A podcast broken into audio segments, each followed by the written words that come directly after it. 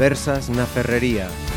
Saludos, arrancamos otra edición más eh, de estas conversas en la ferrería, hoy con una cuestión de calado internacional, una cuestión de concienciación, vamos a tratar de poner también nuestro granito de arena en un conflicto bélico que se prolonga ya desde hace más de cinco años. Estamos hablando de la guerra en Siria, un conflicto que ha expoliado a su población y puesto en evidencia muchas eh, cuestiones que seguramente saldrán en esta conversación de hoy y en evidencia, creo yo, incluso también a la Unión Europea.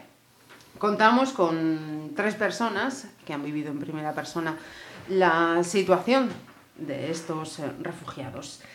Comienzo por mi derecha, Pablo García, Pontevedrés. Bienvenido y muchas gracias por estar aquí hoy. Un placer. Pedro Rial, bienvenido, Pontevedrés también. Gracias por acompañarnos. Muchas gracias a vosotros. Y Daniel Rivera, eh, Pontevedrés también ya de adopción. Por, por supuesto. bienvenido y, y, gracias de, de antemano a los tres. Eh, Daniel y Pablo eh, habéis compartido la, experiencia, si no me equivoco, en Jordania y Pedro es el que nos va a contar también su experiencia en, el Pireo, en Richmond, en varios, en varios lugares. En los tres casos eh, habéis estado este año, este 2016. Eh, comienzo por Pedro, si, si os parece. Eh, cuéntanos, es tu primera, ha sido tu primera experiencia como voluntario, ¿cuándo, cómo se plantea uno una, una disposición así? Sí. Pues hombre, sí ha sido mi primera, mi primera experiencia. De hecho, yo me iba a ir, para, me iba a ir, me iba a, ir a Uruguay precisamente. Pero bueno, aprovechando que era verano por allá, digo, pues me voy en enero para allí y tal, que, que hace buen tiempo, ¿no? Pero, no sé, a base de recibir todas las noticias, telediarios, prensa, medios, da igual, eh, pues ver un poquito todo esto y, y, y, ver la postura que estaba tomando y el cariz que estaban tomando las cosas, pues no sé, yo creo que esa rabia, esa, esa impotencia, esa frustración de alguna manera, ¿no? Es lo, que, es lo que hace que un día digas, mira, Sudamérica no se va a ninguna parte, vamos a hacer lo que hay que hacer. Uh -huh. y, y, y, básicamente fue así, la mochila es más o menos la misma, ya la tenía la mitad hecha, así que bueno, pues uh -huh. sacas dos cositas, veces dos más y, y, nada, echar un vistacito en las redes sociales, ver el tipo de información así que para que de primeras alguien te pueda guiar ¿no? y poder optimizar el tiempo y encontrar un vuelo más o menos lo más barato posible y para allá con un billete de ida, sin mayor historia, o sea, no me había puesto en contacto previamente con un grupito de gente de aquí que tenían pensado ir pues a lo largo de las siguientes semanas. Y es como, bueno, pues oye, pues te conozco en tal sitio, nos encontramos y tal, pero bueno, la llegada allí, ¿no? Fue pues, uh -huh. yo con mi niña, con mi mochila. Y, uh -huh. y vámonos, y, y, vámonos, sí, sí. Y nada, la primera vez que llega al Pireo, que fue el segundo día de llegar a Atenas, eh, un poco vas ahí expectante a ver qué es lo que hay y tal. Ya conocía a Xurxo, un gallego de Santiago que trabaja en Londres, especialista en, en, dar clases a niños pequeños y tal, pues ya tenía montado una especie de ludoteca, ya estaba colaborando y un poco te da un intro, te da un paseito por allí y tal, te cuenta pues someramente lo que él sabe, ¿no? Y, y es como, bueno, pues te guía. ¿no? Uh -huh. ¿Qué quieres hacer, tío? Es que y entonces, pues, bueno, pues te pones a hacer ahí, pues básicamente lo que haga falta, donde más te veas tú y, esas cositas, ¿no? Pero yo creo que son los primeros días más de toma de contacto, un poco de decir, coño, pero ¿qué realidad es esta, no?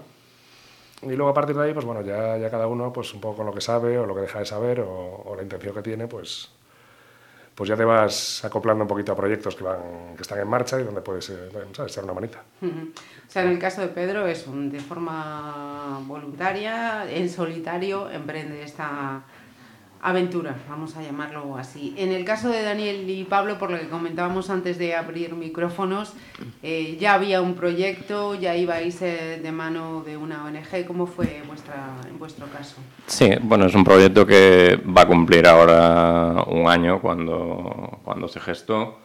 Y efectivamente es eh, a través de la ONG Ajedrez Sin Fronteras que hicimos el primer contacto una ONG que lleva pues, en torno a 15 años trabajando, mm, por desgracia ahora está en boca de todos el pueblo sirio, pero conflictos los hemos tenido y parece que los seguiremos teniendo. Entonces tiene 14 escuelas abiertas a lo largo del mundo. Y bueno, pues como decíamos hace un año, pues eh, aquí en su visita a uno de nuestros eventos escolares de ajedrez, pues a través de Daniel se hicieron los primeros contactos y nos planteamos cómo podíamos poner nuestro granito de arena. Entonces, de hecho, bueno, puede comentar Daniel, ¿no? Que no era la primera opción eh, Jordania, el, el, campo al que al final fuimos, ¿no? Y puedes... Sí, bueno, rápidamente fue en mayo justamente hace un año y en contactos con, con ACNUR, eh, en principio el proyecto iba a ser para los campos de Líbano y Satari, ¿no? Luego se redujo, iba a ser en Al-Satari y a los dos meses, cuando teníamos todo, todo en marcha, prácticamente ACNUR nos cambia al, al, campo de refugiados que es, de los nuevos que está en frontera con, con Jordania y Siria, ¿no? en Al-Azraq. Y bueno, ahí eh, elaboramos unos librillos de muy didácticos, digamos, un poco a menos, bastante a menos, porque también tienen para pintar, colorear y para los más pequeños, eh, unos librillos también de, nivel medio, ya para aficionados y unos librillos ya de formación y apoyo a, monitores para que la idea es que la, escuela de ajedrez continúe. ¿no? Eh, de esos librillos se hicieron unos 600 ejemplares, ¿no? a mano prácticamente, todo manual, ¿no? porque el coste era muy se lograron, eh, bueno, con el apoyo de muchos pontevedreses, de muchos padres y alumnos de la escuela, y se logró llevar todo el material posible, en total 142 kilos de material, tableros de ajedrez, relojes, tableros murales, más de 2.000 ceras, lápices de colores, los cuadernillos, y allí nos fuimos. En cada uno de vuestros casos, eh una vez que llegáis eh, allí, mm, ¿qué es lo primero que se os pasa por, por, la cabeza? Esto es como me imaginaba, esto ni de lejos, es como yo pensaba que podía ser. ¿Qué es lo primero que, que se os plantea? ¿Os quedáis que no sabéis qué hacer o esto es tal que, que, que no paráis? ¿Cómo es la, esa reacción? Bueno, en nuestro caso te digo, ya es cierto que no sabía sensibilizado eh, nuestro compañero Álvaro Van der Roel, que es el compañero de Ajedrez Sin Fronteras, un poco de, qué tipo de situaciones nos íbamos a encontrar en un campo como, como el de Asrak, ¿no?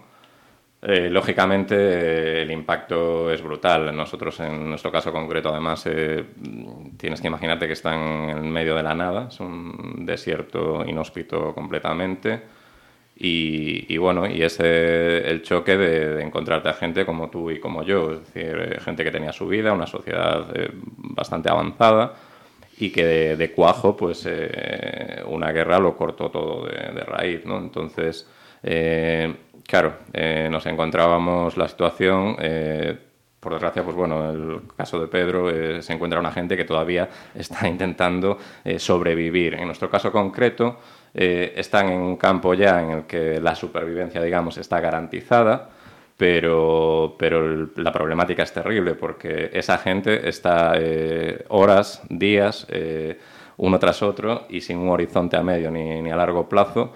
encerrados en, en, un recinto sin, sin, nada absolutamente que hacer. Entonces la desesperación es, es inmensa y, y, las vueltas que da la cabeza y todavía recordando el horror del, del, que están huyendo es mucho peor. ¿no? Hay un poco pues fue la sensación eh, positiva de, esta experiencia, es el, significado del ajedrez que adoptó en, esta situación, ¿no? porque eh, nosotros, bueno, habíamos trabajado el ajedrez en muchos aspectos, educativo, hemos trabajado con mayores, eh, prevención de deterioros cognitivos, Alzheimer, inserción social en cárceles, etcétera, pero aquí nos hemos encontrado con un ajedrez que cumplía una una misión terapéutica, es decir, ha sido una experiencia a nivel eh, paliativa, ¿no? el, el, cómo el ajedrez, el, eso que nos hace a veces eh, ensimismarnos ahí cuatro o cinco horas en un tablero, pues te permite pues, eh, un poco abstraerte, eh, evadirte, de esa realidad durísima. ¿no? Entonces, debo decir que fuimos con unos objetivos muy marcados, entonces el desborde fue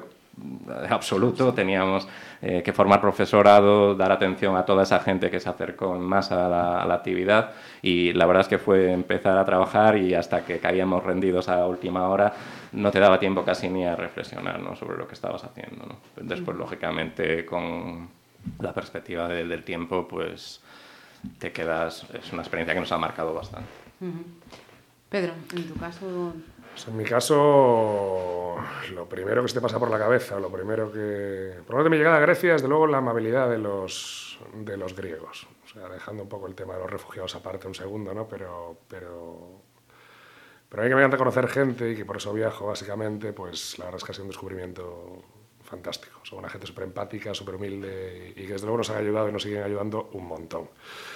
En cuanto ya a los refugiados, pues mi primer contacto es en Pireo, que al final pues bueno, es una estación de ferry con ocho terminales, de las cuales tres están pues colapsadas, básicamente, con, pues creo que había como, no sé, 4.000 personas o así más o menos cuando llegué yo. Y entonces, pues bueno, es revivir un poco todas las fotos y todas las noticias que has visto pues, en internet, en televisión y demás, pero, pero darte bruces con una realidad que es mucho más grande de la que te pensabas. Porque sí, ves 100 fotos o ves 10 telediarios, pero no te cuentan ni la cuarta parte, la mitad de lo que es, de lo que está ocurriendo, de los líos internos que hay, diferentes, ¿sabes? son suníes o chiitas o alawitas o kurdos. Pero empiezas a, a, pues eso, a darte bruces un poco con la realidad, ¿no? Y, ya el primer día ya, ya has conocido a gente, ya alguien te invita a su tienda a tomar un té, ya empiezas a, ¿sabes? a, a establecer algún tipo de, de, vínculo emocional con alguien. ¿no? De, al día siguiente hay 5.000 personas, pero tú vas a ver pues, a Abdul, a Yasuf o quien sea. ¿no? Y, y, entonces, pues bueno, ya es eso. Mm, el segundo día para mí, yo creo que emocionalmente ya fue el, el, el, el, el aceptarlo. ¿vale? Ya fue cuando, cuando me vine abajo. ¿sabes? Cuando ya de repente no puedes más, tu cuerpo llora. Tengo que llorar, tío. Es que no... Y cuando una niña te cuenta que está jugando y de repente, oye, las bombas empiezan a caer y tiene que meterse en casa. Te como, claro, que te lo cuentas, es una niña inocente de cuatro añitos y tal, te cuenta eso, pues para mí fue como, espera un momentito, cariño, ahora vengo, ¿no? Y te vas a una esquina, tío, a, a reventarte, a llorar. Y, y bueno, y a, y a, partir de ahí ya, pues un poco como, ya te van contando muchísimas más cosas, pero yo creo que ya fue ese punto de inflexión, ¿no? De, tío, o sea, ¿qué me, va, qué, qué, ¿qué me va a contar esta gente? O sea, ¿qué va a decir aquí, no? Entonces, más eso, un, un, es abrumador. O sea, es abrumador, es, es, mucho más y mucho peor de lo que te cuentan o de lo que te crees. O sea, uh -huh. Luego tienes cosas muy buenas, evidentemente, ¿no? pero que no todo es malo. Pero de primeras, el shock inicial, hasta que vas comprendiendo un poquito pues, el porqué de las cosas, quién es quién, cómo funcionan internamente, cómo no, qué estructura hay, qué organización. ¿Sabes? Es, es, es abrumador. Uh -huh. Es como que percebes, pues toma 100.000 kilos. Joder, macho sabe como que te, te, te, te, supera por todas partes. Uh -huh. eh, después de esta experiencia, en vuestro caso, eh, lo que es el, el conflicto en sí, eh, ¿habéis conseguido verlo de, de, otra manera o entenderlo? Porque yo creo que, que, el primer paso, que el gran problema que tenemos la inmensa mayoría es que no alcanzamos a, a entender, ¿no? Creo.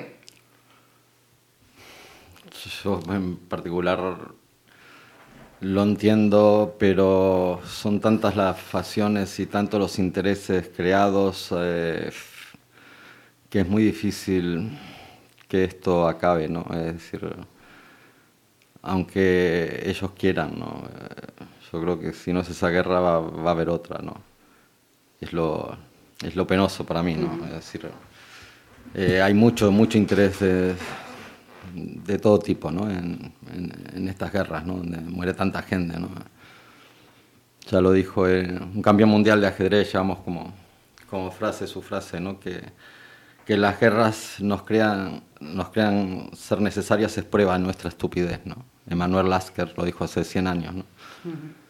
este, pero bueno, hay muchos intereses creados y muchos intereses de que, lamentablemente, de que esto no acabe. Uh -huh. Pedro, asientes con la cabeza. Yo tengo que estar totalmente de acuerdo con esto. O sea, se me aportó y sin, y, sin, y sin señalar a nadie, que tampoco creo que sea el foro para ello, pero, uh -huh.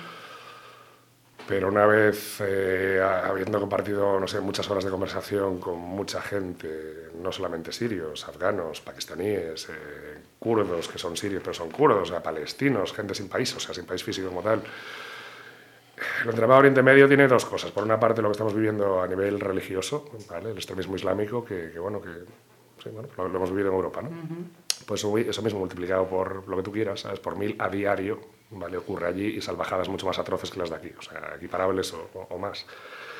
Y luego, por otra parte, pues mira, tengo que estar totalmente de acuerdo con eso. Creo que este conflicto, y si no hubiera sido, y este, pues mucho por la posición estratégica de Siria, ¿vale? En, en Extremo Oriente, pero estoy absolutamente convencido que ha sido diseñado desde detrás de un escritorio. pero vamos, sin duda alguna. Esto, o sea que durante cinco años Alepo, la ciudad más importante de Siria, ¿vale? Damasco, la capital, Alepo, el centro financiero, haya estado sitiado, ¿vale? Una ciudad de 5 millones de habitantes, que esté sitiada, o sea, que no se permite la entrada ni la salida de, de, nada prácticamente. Y aquí nos enteremos hace un año, coño, tapar eso no, pero no, no yo, yo, no creo una casualidad de ese estilo. O sea, ese tipo de cosas no... Y estabilizar un país como Siria, que era un país, era súper estable, donde convivían pacíficamente pues, todas las religiones, todo el mundo sin ningún tipo de, de problema, pero, pero, pero vamos, todo, lo más lejos es la realidad, sí, bajo la dictadura de Assad, pero bueno, que al final es un alawita, que son una facción muy relajada de, la corriente musulmana y tal, y, coño, con un grado de libertad muy, pero vamos, equiparable o mayor que el de Europa en muchos casos, ¿eh? Mira, tío, también, qué casualidad que tenga que ser ahí, ¿no? Uh -huh. ¿Sabes? Yo... Bien, para puntualizar, Alepo eh, ha sido destruida, está destruida, bueno, sí. pero siguen, siguen cayendo bombas en donde está la destrucción, ¿no? Siguen cayendo, digo, nuevamente los aviones están tirando bombas en, en, en Alepo, rusos, eh, estos los otros, ¿no? Bueno, Todo el mundo. Pero, no sé, en un sitio de, de, destruido siguen cayendo las bombas, ¿no? Es decir, en, el, en, el, en las clases de ajedrez... Eh, preguntábamos, entrábamos muy en contacto con, con ellos, eh, pero cuando preguntabas de dónde eran y nos decían chicos sociólogos, ingenieros de, de Alepo, bueno, de, de, otros sitios también, ¿no? Pero, eh, y ya no, no, no, querías preguntar más, ¿no? Porque ya era, había un nudo en la garganta, ¿no? Te trasladaba allí, ¿no? Eh, este, y quería puntualizar también sobre otra cosa que dijo Pedro, ¿no? sobre la generosidad de los, de, del pueblo eh, griego. Nosotros también lo, lo, comprobamos con el pueblo jordano, ¿no? eh, que conviven con, con, sirios, con palestinos y que, que, bueno, es una generosidad que tienes que aceptar la invitación a tomar un tecito. Vienen todos a hablar, con, se vienen de, de, de otros sitios a, a, a, hablar, te abrazan, te agradecen e inclusive luego te regalan el agua, no cobran el agua no, a los extranjeros que vienen a, a, vernos, a ayudar y eso no, esto no lo podemos cobrar, ¿no? Así, eh, temas así de, de, gente humilde, ¿no? De, y con esa generosidad, ¿no? Eh, la verdad que eh, llevamos una, una, carga emotiva en cada...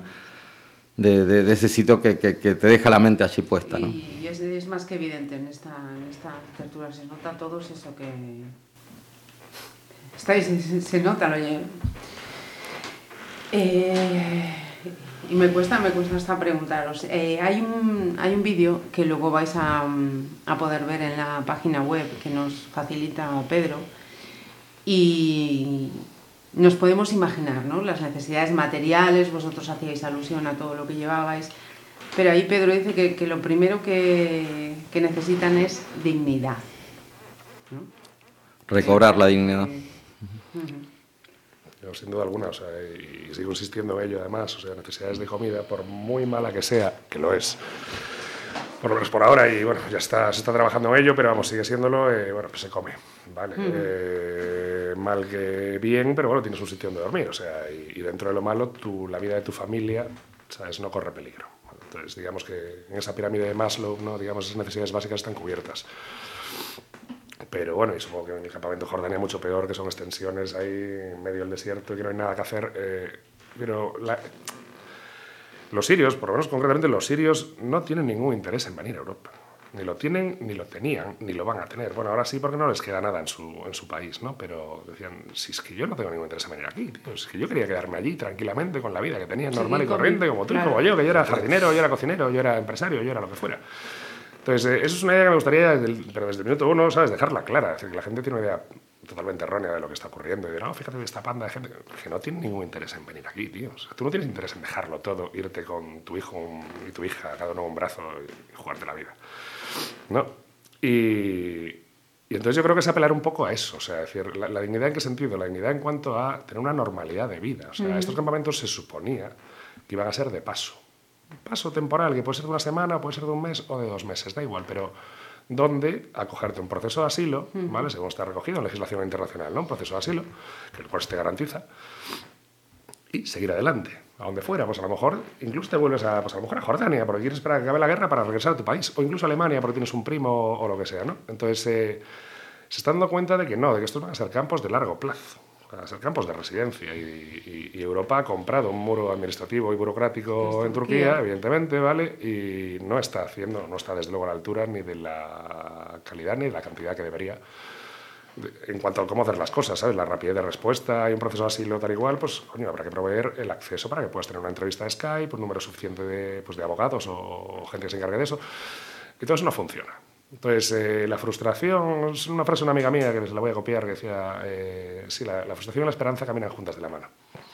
Es verdad, entonces tú te encuentras allí, no tienes nada que hacer, tienes todo el día por delante, ya has matado las tres serpientes que se acercaron a tus hijos, eh, los jabalíes no entraron esa noche a no sé qué, bueno tienes, no tienes duchas, o sea, tienes agua dos horas al día, tres duchas para 700 personas, eh, te has tomado 27 tés y son las 12 de la mañana. Entonces, coño, que les den los medios a ellos para dejar, que, igual que solucionen los problemas entre ellos, ¿vale? Y conoces al más mayor del grupo y es un poco pues, el más sabio y el que le consulta las cosas. No llegar allí nosotros, el hombrecito blanco, con todo nuestro buen corazón, que, y ojo que está muy bien, que no estoy diciendo que esté mal, a imponer las cosas. Y te doy ejemplos. ¿eh? Había una, una, escuela ya montada por ellos y para ellos. Hay muchísimos profesores. Hay profesores de filosofía en la Universidad de Damasco, hay profesores de niños.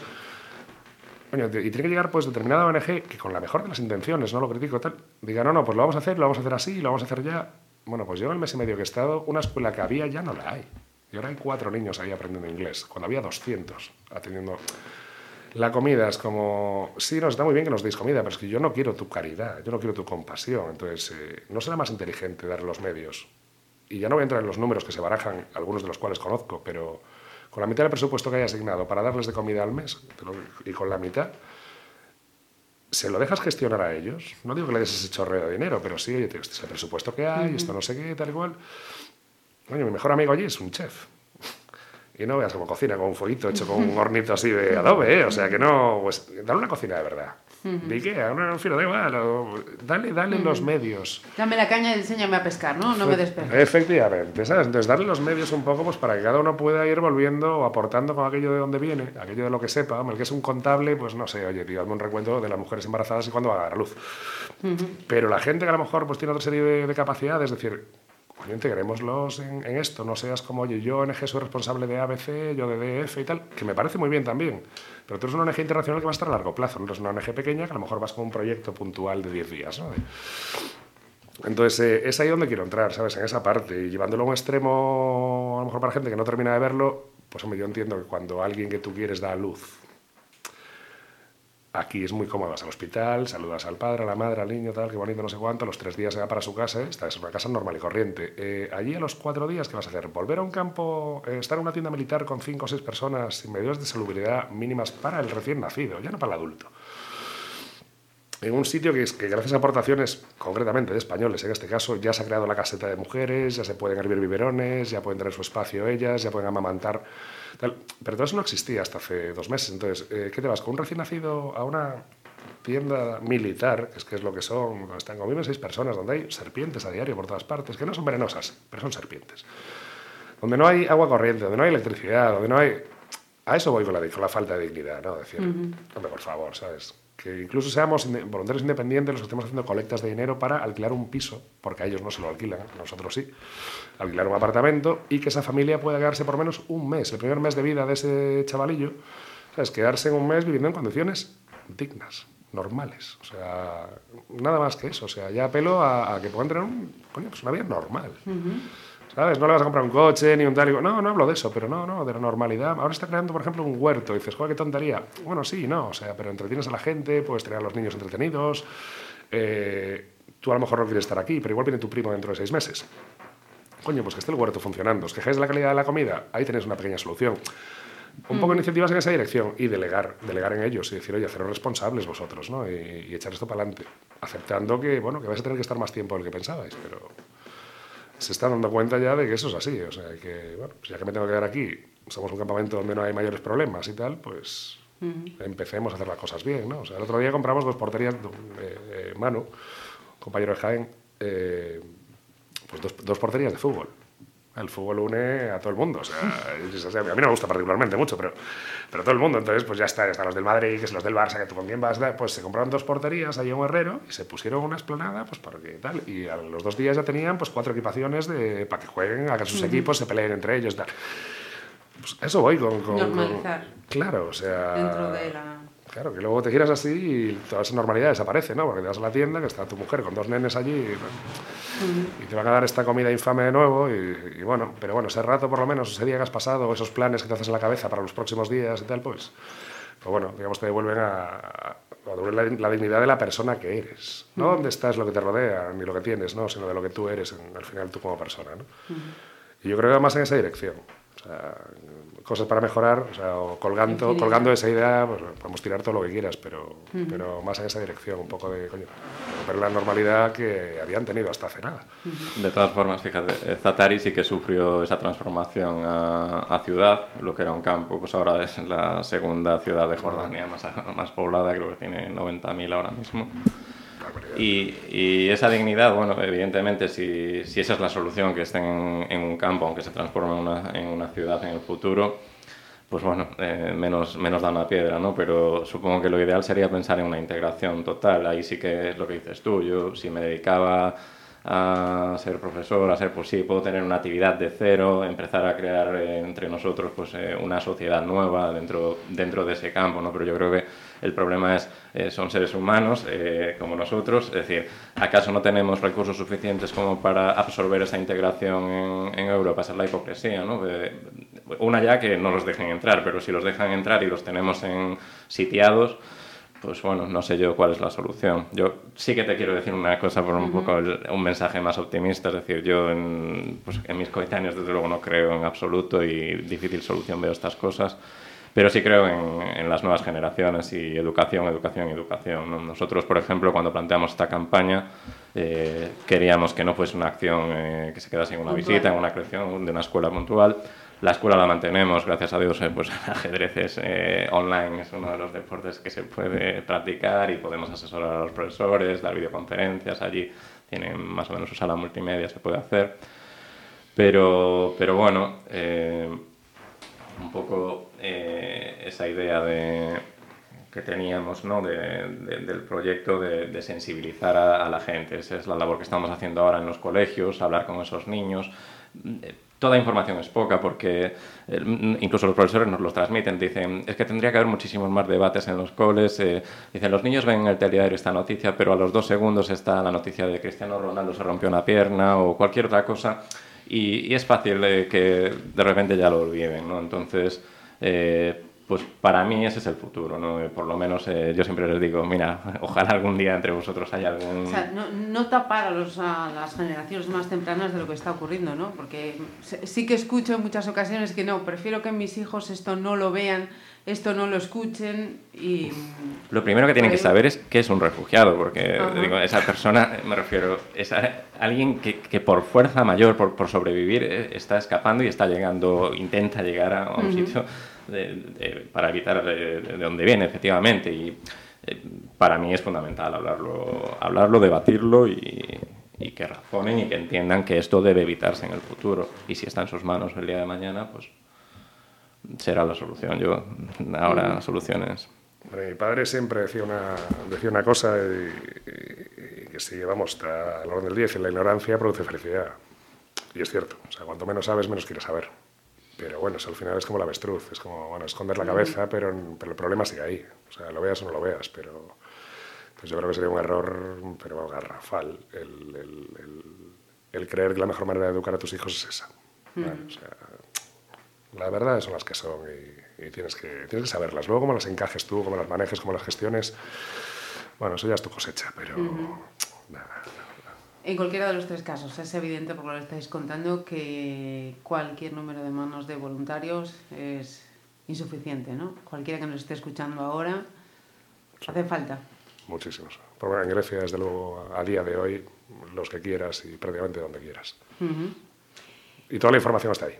Además, está toda. ¿eh? O sea, alguna duda, de verdad que, se le consigue la información que le haga falta. Me decías, eh, Pedro, el otro día, que no hace falta estar eh, preparado, tener tal, ¿no? Simplemente ganas, voluntad. Nada más. lo he hecho siempre, ¿sabes? Jugar como un niño, ¿sabes? Dar un abrazo sincero. Ya está. Ya tienes el 50% hecho, el otro 50% ya te lo irá diciendo tu, tu cabecita y tu corazón a medida que vayas, pues eso, ¿sabes? Mezclándote y conociendo. De hecho, vuelves, vuelves ahora.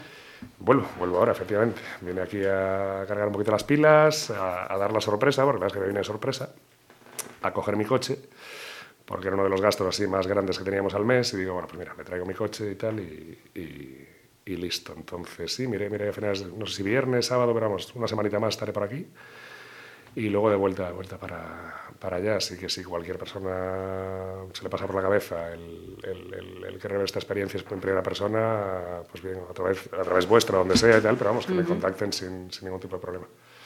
A mí me da la impresión, te acabo de conocer nada hace dos días, contactando contigo, pero que a ti esto, la vida te la ha vuelto del revés. Ya venía un poquito revirado yo, ¿eh? por otros, ya venía un poquito ahí en gallego torcido, ya revirado y tal, pero pero sí, fíjate, yo creo que sí, sí que me ha, me ha, terminado la última vuelta del tornillo que quedaba fuera, yo creo, ya venía un poco rebotado con muchas historias, sobre todo a nivel humanístico, ¿eh? a nivel humanidad, a nivel sociedad, lo comentabas tú antes, ¿no? un nuevo paradigma y tal. Yo creo que sí, que ya me lo ha terminado de... Me ha, me ha terminado de confirmar que estoy en el camino correcto, mío personal, básicamente, que todas las locuras que he hecho en los últimos años son en la dirección que tenía que haber sido. Así que sí, sí, sí. sí. Pues ha sido enhorabuena, entonces, ¿no? Pues gracias, mira, por ahora sigo sonriendo por la mañana y sonriendo por la noche, entonces creo que es una buena señal, ¿sabes? En vuestro caso, ¿ese proyecto sigue adelante? ¿Tenéis intención de volver? Por supuesto, ¿no? Desde Escuela Yares Pontevedra y Ajedrez Sin Fronteras, eh, bueno, la, la, escuela tiene, tiene continuidad, eh, hay unos pedagogos y, eh, impecables allí que son refugiados que ya tienen esa tarea de, de enseñar a niños, de de abrir las puertas, de, de, prestar juegos de ajedrez que, que hemos llevado y, este, y, tienen algo, la verdad, que, que les gusta ¿no? y te lo agradecen. El agradecimiento de ellos es, es una motividad tremenda, ¿no? cuando tiene que ser al contrario. ¿no?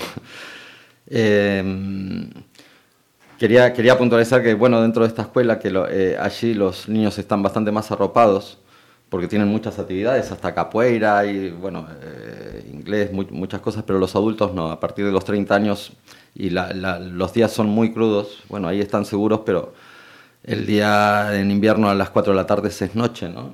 Y con una inclemencia del tiempo brutal, en verano pueden ser 50 grados, ¿no? Este, pero esos adultos, como nos contaba Olga Cerrado, que es la responsable de ANUR de comunicaciones de allí, no, no tienen actividades y cuando vio eso lleno de adultos haciendo la cola antes de las 8 de la mañana para entrar al ajedrez, se han reunido muchos aficionados y maestros de ajedrez de, que estaban en distintos puntos, hay ajedrez, y, bueno, hay muchos que querían aprender, ¿no? Este, y, y, bueno, ya el hecho de por sí que fue el primer día, la primera hora, cuando nos vinieron niños ciegos, ¿no? Cuatro niños ciegos con sus padres. Y cuando sacamos los tableros que habíamos conseguido y había donado la ONCE, eh, tableros específicos adaptados para, para, ellos, para que puedan jugar y aprender, bueno, eh, y los padres emocionados, uno de ellos llorando, y, la alegría de los niños, ¿no? De, de, haber aprendido tan rápidamente y que puedan tener una actividad que puedan compaginar con sus demás compañeros, ¿no? Que, eso ya de por sí es, es eso lo que decíamos antes, ¿no? Tratar de que recobren un poco la, que, recobren la dignidad, ¿no? Lo que decía Pedro.